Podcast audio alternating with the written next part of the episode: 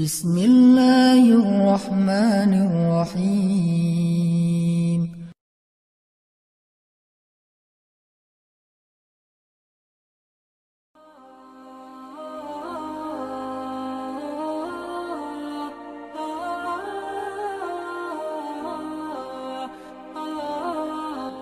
Ketika kita memilih jalan Allah, mungkin akan banyak pengalaman-pengalaman unik yang kita alamin sepanjang jalan.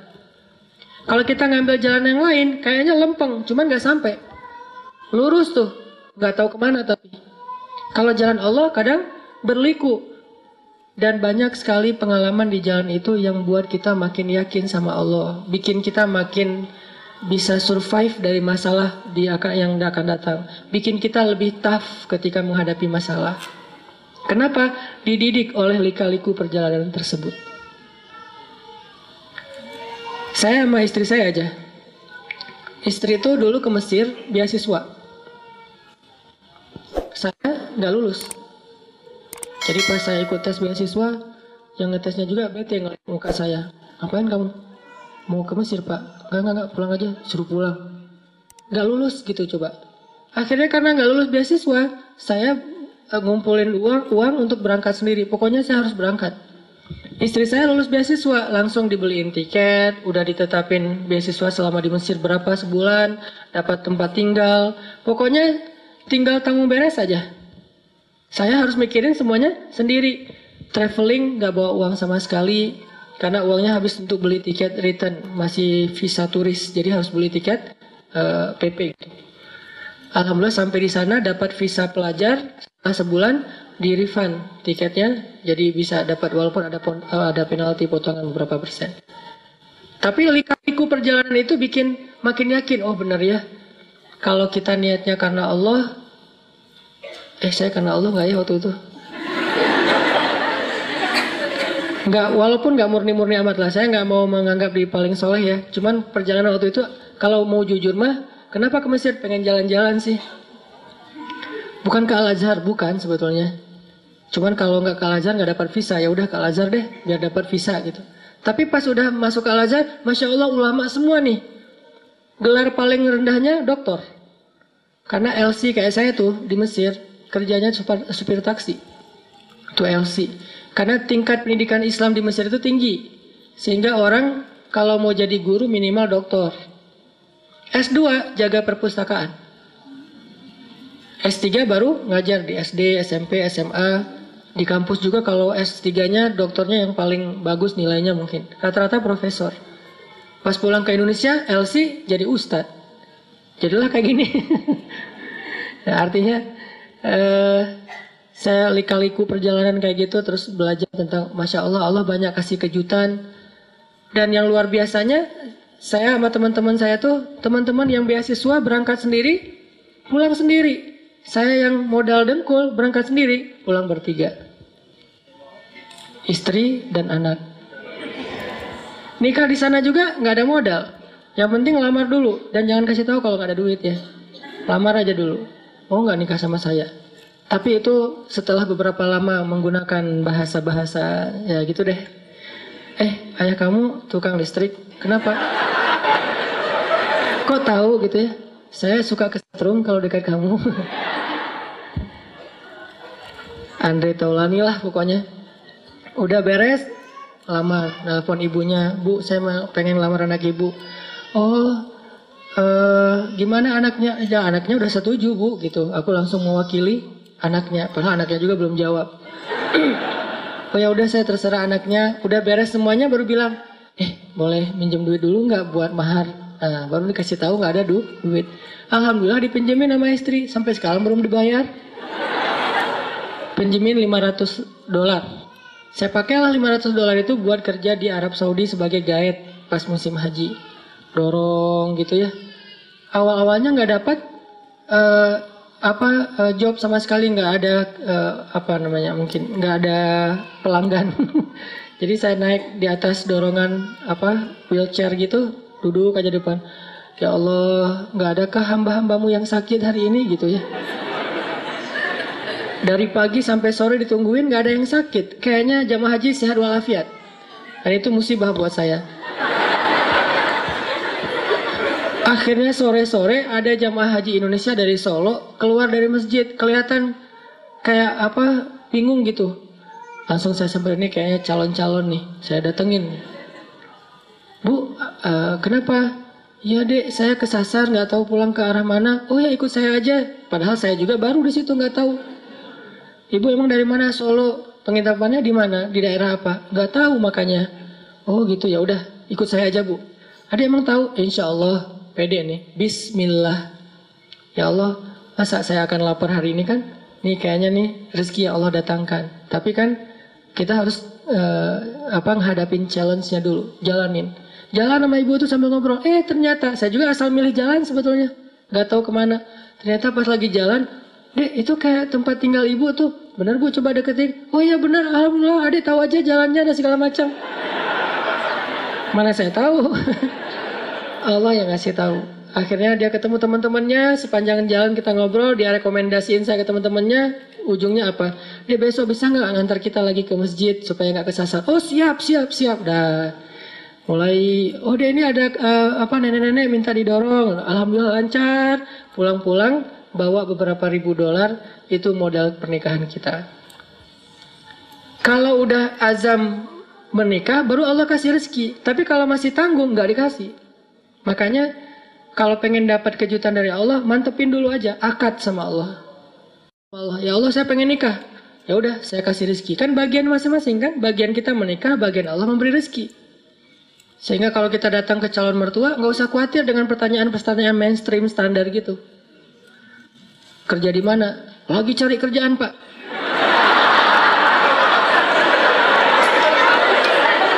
Pede gitu.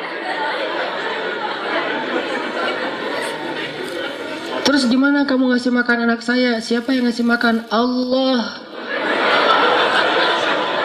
Masa dia mau bilang nggak mungkin kan ya? Kalau perlu koleksi beberapa hadis judulnya hadis-hadis melamar. Tuh ada beberapa hadis salah satu yang terkenal kalau datang kepadamu anak-anak anak muda yang baik akhlaknya maka jangan ditolak ditolak. Ngomong aja Pak, saya pernah tuh ya baca hadis katanya sih sohih gitu ini kayak gini nih hadisnya benar nggak ya Pak? Oh benar nih hadisnya emang sahih. Nah, ini ada maksudnya gini nih Pak. Jangan ditolak. Itu gimana maksudnya Pak?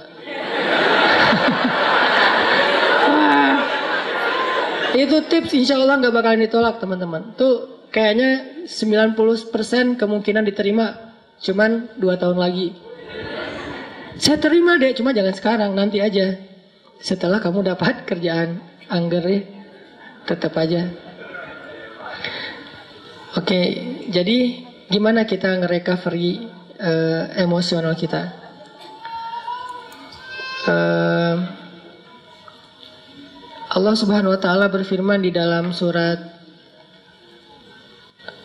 kalau tidak salah Al-Ma'arij Innal insan khuliqa halwa. Idza massahu syarr jazua. Wa idza massahu khair manua Manusia itu labil. Idza masahu syar jazua wa idza masahul khair manua. Emang kayak gitu. Manusia itulah labil. Terus recovery kelabilannya tuh kayak gimana? Ternyata recovery itu akan cepat dan bertahan kalau kita belajar yakin dan berpegang teguh kepada Allah. Cepat recovery-nya teman-teman. Para sahabat Nabi itu Gimana pun mereka soleh, mereka tetap manusia, kadang emosional juga. Tapi recovery-nya cepat. Contoh Abu Bakar pernah sakit hati sama keluarganya, ada saudaranya yang memfitnah Aisyah. Dia nuduh Aisyah itu selingkuh. Sakit hati kan Abu Bakar? Akhirnya karena Abu Bakar sakit hati, Abu Bakar pun e, bersumpah.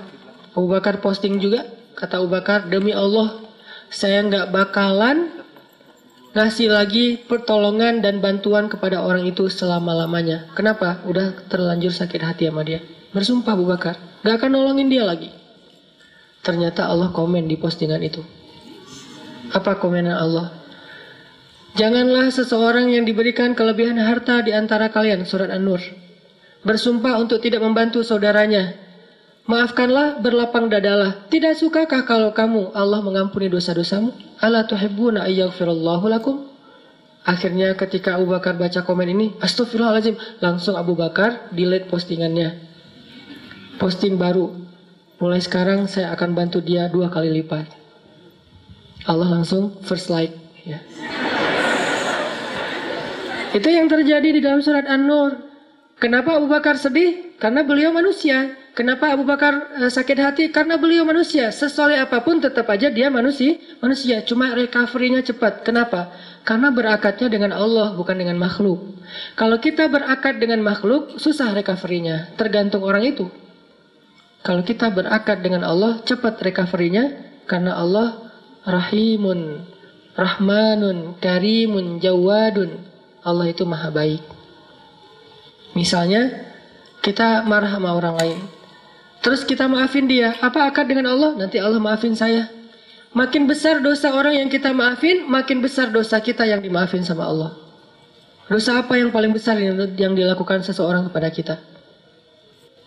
Tadi, ditikung. Ustadz, nggak mudah Ustadz maafin yang kayak gitu-gitu Ustadz. Saya tuh udah berusaha ya selama lima tahun. Eh di tahun kelima ternyata gagal gara-gara dia. Padahal dia datangnya cuma beberapa bulan terakhir. Kenapa bisa nikung? Dia teman curhat kita. Kita curhat ke dia, ternyata dia dapat info dari kita, dia jalan duluan. Kan sakit banget tuh. Makin sakit, makin berat, makin besar dosa yang kita maafin dari orang lain, berarti makin besar dosa kita yang dimaafin sama Allah. Minimal 10 kali lipat. Itu akadnya, sehingga jadi ada motivasi untuk memaafkan orang. Ya udah deh, saya maafin biar Allah maafin saya. Emangnya kita nggak punya dosa? Kalau kita mau ngitung dosa kita, nggak usah jauh-jauh. Dosa sholat aja kita udah banyak tuh. Kita udah ninggalin sholat sejak kita balik usia 12 tahun. Kan kita dulu sering ngerasa 12 tahun tuh masih anak kecil ya.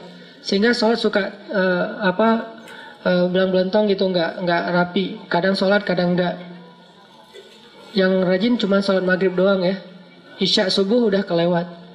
Terus pas sudah ABG dikit, usia 17 tahun masih sholat, cuma sering menjamak subuh dijamak dengan duha misalnya. Sholat juga subuh, tapi jamak. Dan itu istiqomah banget loh. Jadi dari bab sholat aja kita udah bermasalah, udah banyak dosa nih. Gimana mau amal-amal yang lain? Berarti caranya gimana? Maafinlah kesalahan orang yang lain supaya Allah maafin kesalahan kita. Akadnya sama Allah, recovery-nya gampang. Saya pernah pas di Bandung, mobil ditabrak dari belakang serempet. Akhirnya uh, apa penyok dan agak rusak. Terus orangnya marah duluan. Mungkin cara dia marah duluan biar ketahuan bahwa kita yang salah. Dia turun langsung marah-marah. Saya bilang tenang aja jangan marah-marah. Kita selesaikan baik-baik akhirnya dia agak down dikit apa agak nyaman dikit ngobrol tapi tetap aja keras nggak mau dan pas di ini dia nunjukin kartu bahwa dia anggota Nah karena dia anggota nggak mau ribut ya udahlah saya ganti rugi 2 juta. Pas sudah ganti rugi 2 juta dia pergi saya berdoa Allahumma ajurni fi musibati wa khlufli khairan minha. Ya Allah saya dapat musibah nih. Beri dong ganti yang lebih baik darinya. Tinggal minta aja sama Allah kan. Akhirnya yang tadi kita udah kayak ngerasa sedih banget gara-gara kita udah mobilnya uh, rusak harus bayar ganti rugi orang lain yang salah lagi tuh. Karena dia mungkin pakai kekuasaannya daripada nanti ramai dan uh, makin besar habisnya udahlah 2 juta. Tapi minta ke Allah gantinya 20 juta. Lebih baik dari yang kita berikan. Gak lama seminggu kemudian benar-benar Allah ganti 20 juta cash. Bukan sedekah jangan selalu menerjemahkan keajaiban itu dalam bahasa sedekah bisa juga dapat usaha apa jualan apa yang keuntungannya banyak kayak saya dulu di Mesir jualan bakso kalau ada acara-acara kayak gini nih, nih saya ngeliat teman-teman di Jepang kayak nostalgia lagi kondisi dulu di Mesir ya. Lagi ada acara mahasiswa Indonesia di sana namanya uh, eh, PPMI gitu. Saya jualan bakso. Tapi saya nggak bisa bikin bakso, teman yang jualan. Terus kita bilang, saya bilang, ya udah kita bagi hasil aja ya, bagi dua. Kamu 30%, saya 70 gitu. Dia mau, alhamdulillah dia bikinin, terus saya ini jual. Terutama buat acara mahasiswa Malaysia. Kenapa? Karena menurut saya orang Malaysia nggak bisa ngebedain bakso yang enak sama yang enggak. Soalnya di Malaysia nggak terlalu banyak kan. Kalau di Indonesia kan banyak tuh bakso. Uh, akhirnya jual ke Malaysia. Nggak terlalu enak juga mereka. Wah enak pak cik tak apa-apa gitu ya. Udah jualan. Kalau orangnya enakan, enakan. Orangnya nyaman gitu, saya kasih baksonya banyak. Kalau orangnya mukanya agak-agak kurang nyaman, kasih aja dua lah. Gak usah banyak-banyak datang. Pak cik, mau bakso? Oh ya, kasih 10 datang lagi. Diam-diam mau apa? Bakso. Kasih dua. Pas kok beda? "Eh, beda bangetnya beda. wajahnya beda. Gitu kalau yang datang mace-mace ah, 15 lah gitu ya. 15 mace 15 mah untung nggak? Untung tetap alhamdulillah jadi eh, kenapa karena kita berakatnya kalau Allah kalau hilang sesuatu Allah yang ganti. Saya pernah mau acara sholat tahajud malam-malam. Acaranya jam 2 malam, saya baru bangun jam 2. Telat kan, akhirnya panik. Nyamber HP jatuh, pecah layar depannya, udah nggak bisa kepake. Itu HP sekitar harga 2 juta lah. Jatuh langsung, ya Allah beri saya ganti yang lebih baik. Nah ini juga jatuh bukan apa-apa ya, karena pengen tahajud. Pakai diomongin lagi.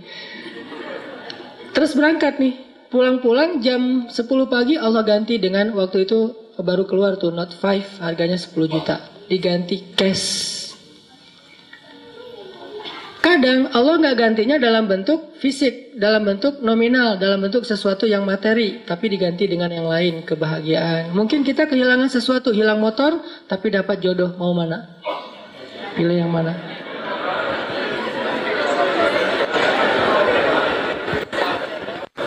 Eh, jadian nih gara-gara nikmat hilangnya motor. Pas ketahuan kita nggak punya motor, putus lagi.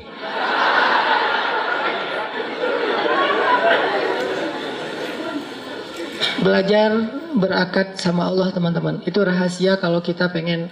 Karena Allah itu nggak pernah. Pertama ingkar janji itu nggak pernah. Inna Allah la yukhliful mi'ad. Nggak pernah ingkar janji. Kedua, Allah itu nggak pernah misalnya, eh maaf ya lagi sibuk. Nggak ada tuh. Kita wa Allah terus nggak dirit. Itu nggak ada ceritanya. Contreng dua sih cuman nggak biru biru nggak dirit lama gitu. Allah ngapain sih online berkali tapi tang yang saya mah nggak dirit misalnya. Itu manusia banget. Allah nggak kayak gitu. Kita baru nulis ngirim Allah langsung typing. Bukan cuma dirit langsung bah bales. Nggak mungkin Allah tuh ngebiarin kita minta terus nggak dibayar eh, nggak dibales lama. Nggak mungkin dan gak mungkin juga Allah misalnya habis pulsa, habis kuota itu nggak ada. Ala kulli syai'in qadir, maha kuasa atas segala sesuatu. Jadi kayaknya paling nyaman berakat itu sama Allah. Cuman kita harus ngerti cara Allah bermuamalah dengan kita. Tidak selalu materi, karena buat Allah materi itu nggak berharga banget. Kalau seandainya berharga, pasti Allah ngasih semua kita kekayaan. Tapi ternyata orang soleh nggak semuanya kaya. Tapi orang soleh itu rata-rata, bukan rata-rata, semuanya bahagia. Makanya tadi subuh saya cerita ada teman misalnya, baru hijrah, dia bilang gini, Ustadz, kenapa ya sejak hijrah hidup saya agak-agak kayak rezekinya jadi seret gitu, jadi susah. Gimana ceritanya? Iya, saya udah dulu mah lancar, sekarang e, malah jadi susah. Saya bilang, enggak, karena buktinya kamu hijrah juga karena kebanyakan hutang kan. Berarti selama ini sebelum hijrah nggak lancar rezekinya, yang lancar hutangnya. Setelah hijrah, Allah permudah untuk membayar hutang itu. Bukan rezekinya seret, tapi rezekinya dibagi. Sebagian dipakai, sebagian untuk bayar hutang. Allah udah kasih solusi. Nggak mungkin lah Allah ngecewain kita yang berhijrah karena Allah. Itu nggak mungkin. Jangankan Allah nih, Nabi Muhammad aja nggak pernah membiarkan ada yang datang ke beliau ditolak dalam keadaan nggak dikasih apa-apa itu nggak ada. Semua yang datang ke Nabi meminta sesuatu pasti pulangnya membawa sesuatu. Apa aja? Pernah Nabi lagi jalan pakai baju baru gitu. Baru dikasih sama raja uh, Khurasan. Kasih baju. Bajunya warna merah. Bukan gamis ya, baju biasa warna merah dipakai sama Nabi. Terus dilihat sama orang miskin, sahabat ngomongnya, "Eh Muhammad, itu baju bagus juga ya?" gitu. Nabi pas diomongin kayak gitu, Nabi tanya, "Kenapa mau?" gitu. "Mau, mau, mau." Dibuka sama Nabi, Nabi pulang nggak pakai dan Nabi juga kalau pulang nggak pakai baju masih keren ya, six pack gitu. Kita nggak pakai baju zero pack kan agak-agak gimana gitu kan ya. Kan perut Nabi itu six pack kata sahabat, seperti batu yang tersusun kan. Itu karena mungkin beliau bukan, apa bukan nge-gym sih, naik sering naik kuda itu kan kayak apa ya orang bisa seluruh tubuhnya tuh gerak akhirnya bagus badan Rasulullah. Nabi nggak pernah mau ngecewain orangnya. Terus Nabi jalan pakai shawl, shawlnya shawl baru gitu. Untungnya nggak pakai kupluk baru ya, pakai shawl doang gitu. Datang orang Badui ditarik shawlnya, dilepas sama Nabi dikasih. Ada yang datang ke Nabi, ke Aisyah misalnya, Aisyah tuh cuma punya tiga butir korma. Dari pagi belum makan. sahur, eh, untuk sahur aja nggak dimakan karena pengen dipakai untuk buka puasa puasa hari itu. Datang tiga eh, satu orang eh, ibu dengan dua anaknya karena lapar bilang Aisyah saya belum makan dari pagi. Aisyah langsung ngambil ngasih. Jadi nggak makan sahur, nggak berbuka puasa. Kenapa? Karena sifat Nabi itu tidak ada yang datang kepada beliau pulang dalam keadaan tangan kosong. Itu nggak ada. Nabi aja kayak gitu, apalagi Tuhannya Nabi. Allah subhanahu wa ta'ala.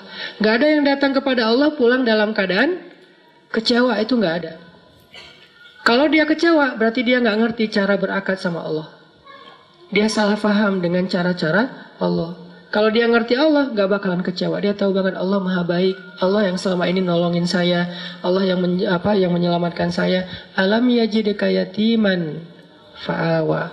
Wa wajadaka dhallan fahada. Wa wajadaka ailan fa'agna. Dan Allah itu tergantung prasangka hambanya kepada Allah. Kalau kita berprasangka baik, Allah akan ngasih apa yang kita persangkakan. Sepuluh kali lipat lebih baik. Kalau kita berprasangka buruk, maka Allah seperti yang kita prasangkakan. Jadi tergantung kita nih mau gimana, mau dapat nikmat ya udah Allah Maha pemberi nikmat. Mau dapat jodoh, Allah Maha menciptakan segala sesuatu berpasangan. Nggak mungkin saya dibiarkan sendiri. Masa kita kalah sama Julaibib, budak yang bahkan tidak bernilai di mata orang-orang Quraisy, dia nikahnya sama seorang putri raja. Ini kayak dongeng gitu kan? Kenapa? Karena Julaibib nggak pernah berputus asa kepada Allah, nggak pernah suuzon sama Allah. Datengin ditolak, datang lagi ditolak. Kadang kita kayak gitu banget hidup. Datang udah tiga kali ditolak, akhirnya putus asa, udah pakai selebaran, taruh di pintu-pintu rumah. Mau nggak nikah sama saya? Siapa yang mau tolong hubungin nomor telepon ini. Kalau nggak mau jangan dibales udah. Ternyata dari 100 selebaran nggak ada yang nyangkut. Karena kita naruhnya di rumah kontrakan yang belum ditempatin. Wah. Ini maksudnya husnuzon sama Allah. Jangan su'u, su'uzon. Begitu kita husnuzon sama Allah, baru berbaik sangka. Kadang-kadang kita baru membatin, Allah udah kabulkan. Di Bandung tuh banyak tuh kejadian kayak gitu. Hal-hal yang menurut saya dulunya terjadi di zaman para ulama, sekarang terjadi di zaman kita. Kok bisa ya? Mirip dengan kisah Imam Ahmad bin Hambal yang datang ke Basroh gara-gara ada yang beristighfar kan di Basroh. Itu terjadi loh di Bandung dengan saya. Suatu hari saya datang ke masjid markasnya pemuda hijrah Masjid Al-Latif di Bandung. Ada rapat gitu kita sering rapat terus e, karena macet saya nggak mau naik e, kendaraan sendiri pesan ojek online berangkat dari pagi sampai sore di masjid itu saya sholat zuhur dan asar ngimamin karena lagi ada saya di situ ya udah sekalian ngimamin. Pas sudah selesai asar, udah beres semua rapat, saya order lagi, ada yang ngambil ojek online, jalan di tengah jalan orangnya ngobrol, Mas suka sholat di masjid itu juga? Saya bilang ya sesekali, saya bilang. Iya ya masjid itu ramai sekarang anak-anak mudanya luar biasa itu masjid. Saya juga suka sholat di situ kata dia. Itu ada tuh imam muda uh, siapa namanya di situ teh? Muzamil, ya ya Muzamil tuh suaranya bagus ya. Ya alhamdulillah. Mas suka uh, suka uh, ikut talim juga di situ. Kadang-kadang saya bilang. Oh iya iya ya hebat itu talimnya rame banget tuh. Ada juga tuh ustadz siapa gitu yang suaranya kayak cewek kata dia.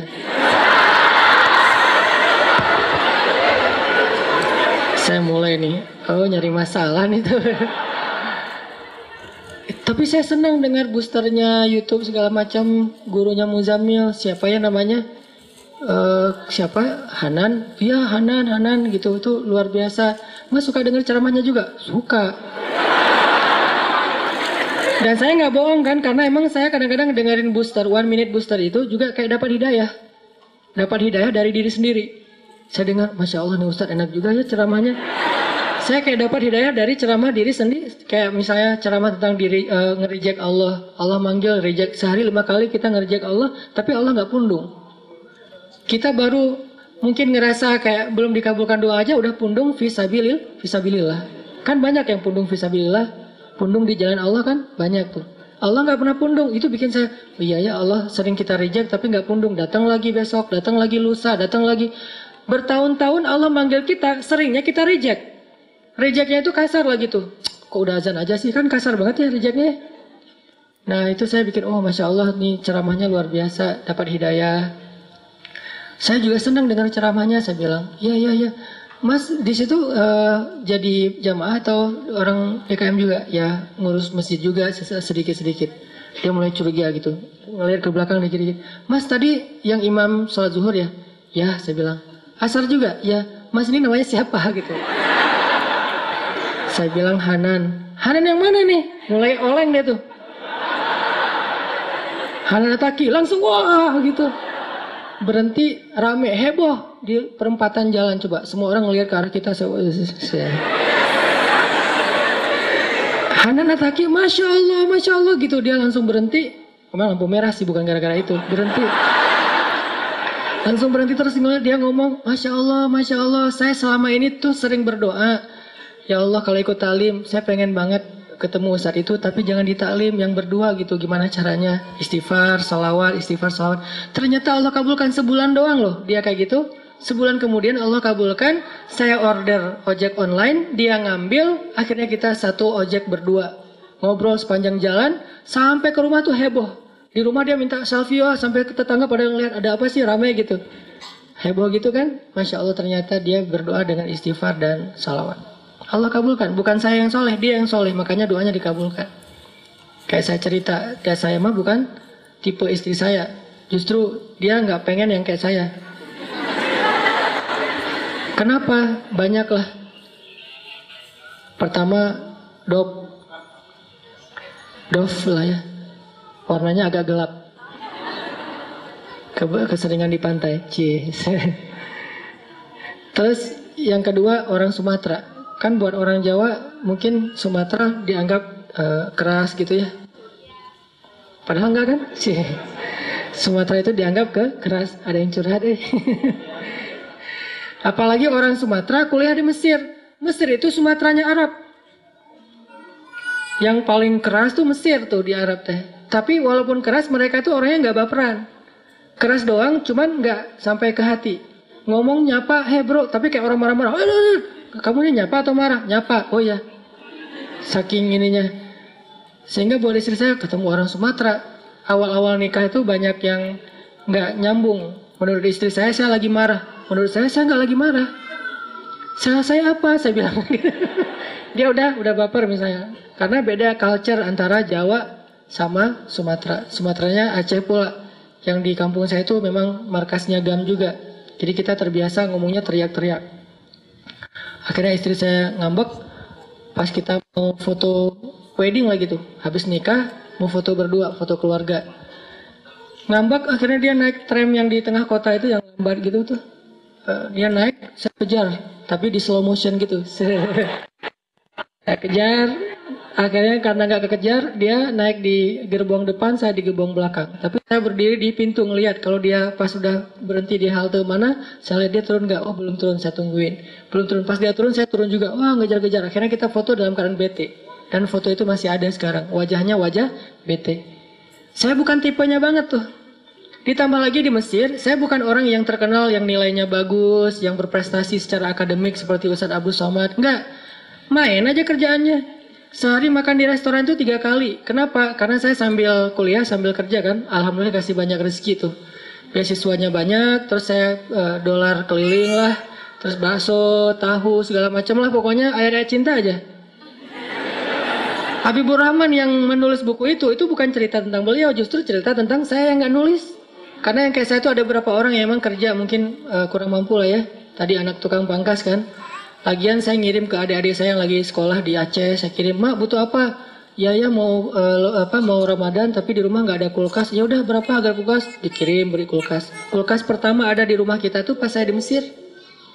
Mak, butuh apa lagi? Ya mau pasang telepon masa mama harus ke tetangga terus nggak enak kalau ditelepon sama kamu. Ya udah pasang, kirimin. Ada butuh apa? Baju baru, kirimin. Alhamdulillah ada rezeki nih. Nah, tadi cerita apa? Apa tadi teh? Kok jadi ke mana-mana? ya itulah pokoknya.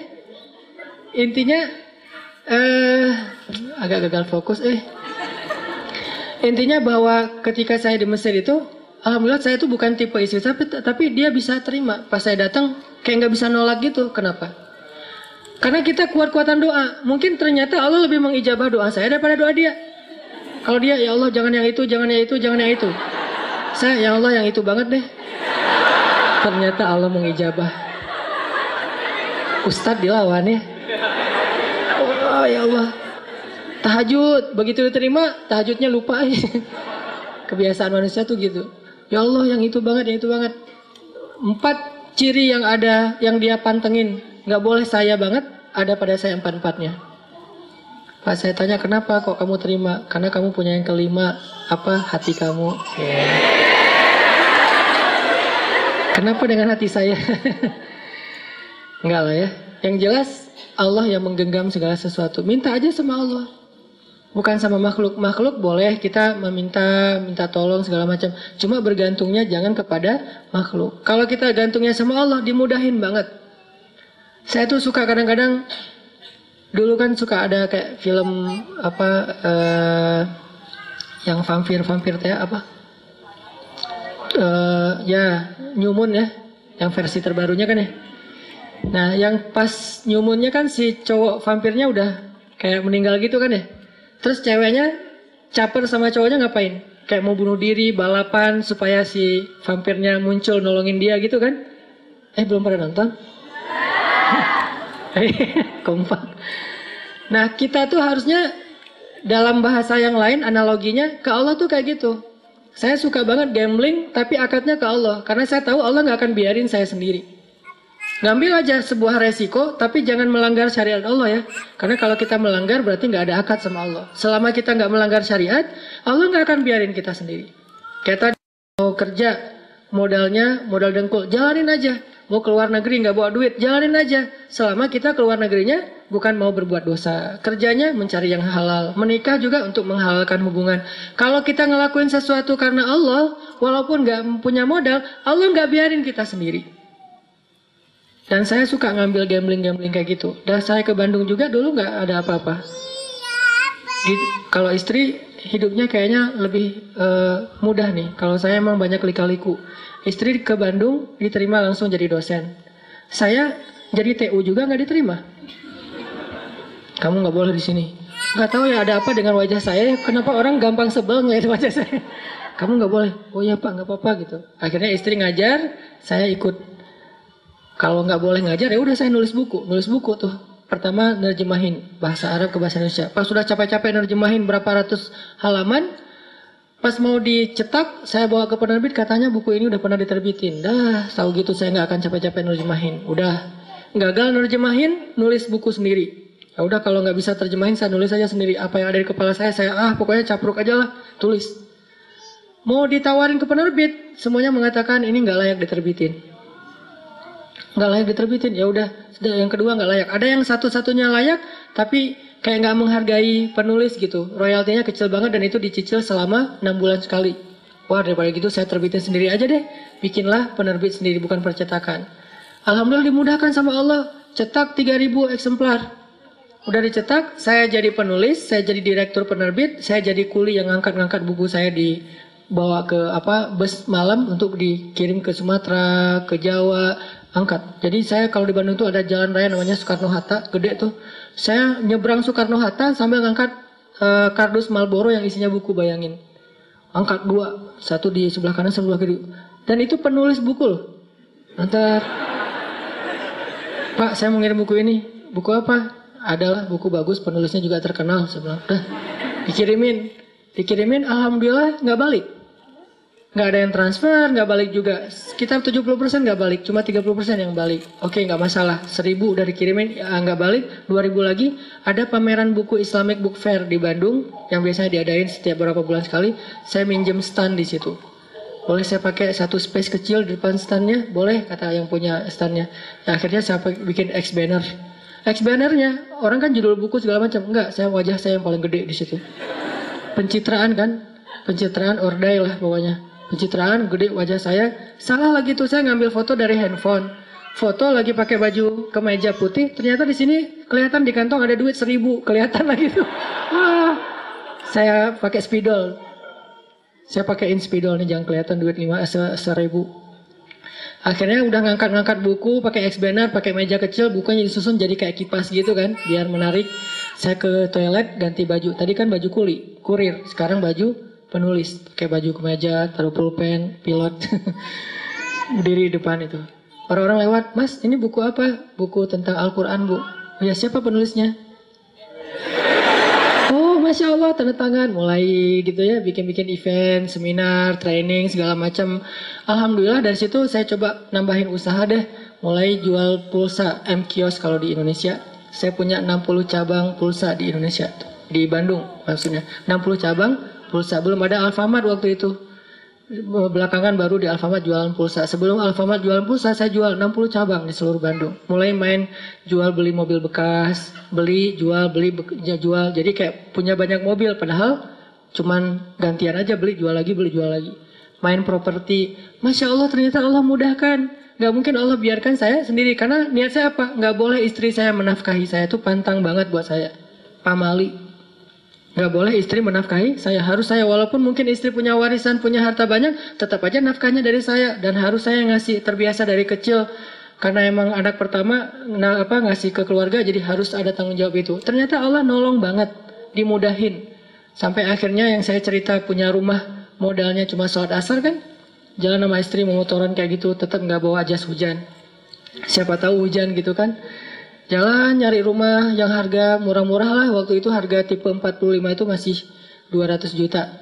Cari rumah. Azan asar, hayya ala sholah. Masuk ke masjid, eh kita sholat asar dulu. Sholat asar. Ketemu dengan jamaah. Ustaz ngapain ke sini? Jauh padahal dari Bandung. Enggak, lagi jalan-jalan aja. Oh iya, ya Masya Allah. Jalan-jalan ke mana Ustaz? Karena ditanya-tanya terus, saya bilang nyari rumah. Kenapa nggak rumah saya aja?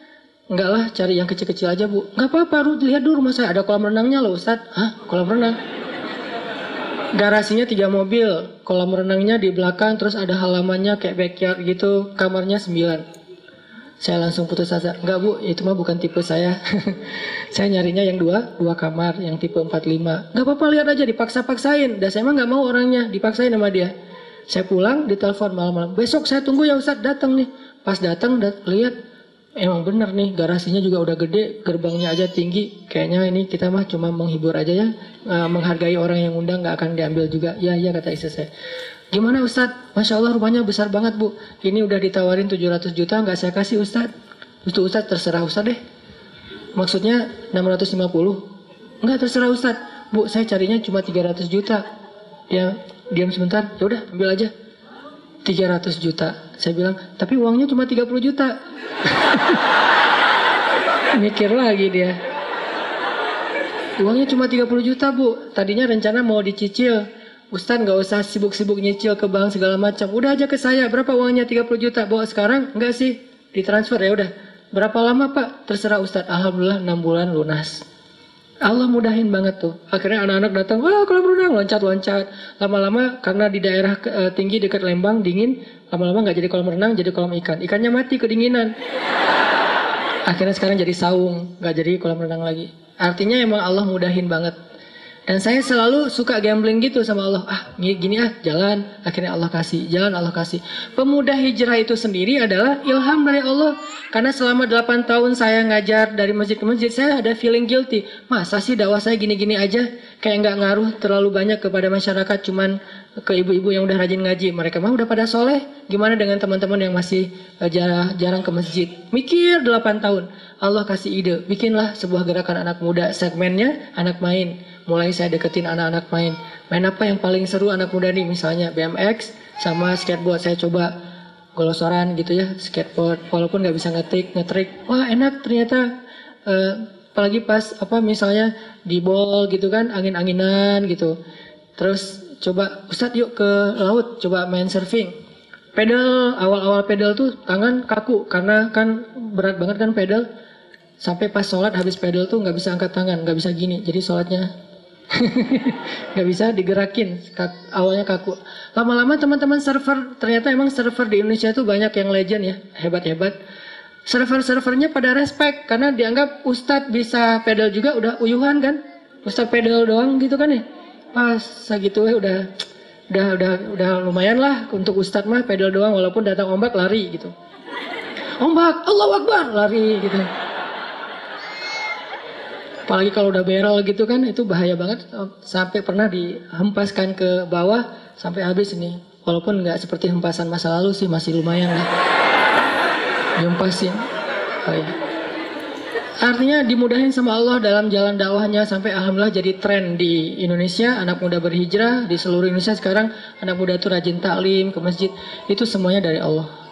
Tinggal mau nggak kita meniti jalan Allah walaupun kadang nggak terlalu jelas karena emang nggak mau ngasih tahu kepada kita Allah tuh semuanya dikasih tahu hanya beberapa step ke depan biar kita makin yakin sama Allah dan bergantung kepada Allah. Intinya yuk teman-teman belajar lebih yakin lagi sama Allah, berakar dengan Allah ketika kita uh, hidup, libatkan Allah dalam setiap masalah kita. Maka la Allah, Allah nggak bakalan ngecewain kita. Itu aja yang bisa saya sampaikan.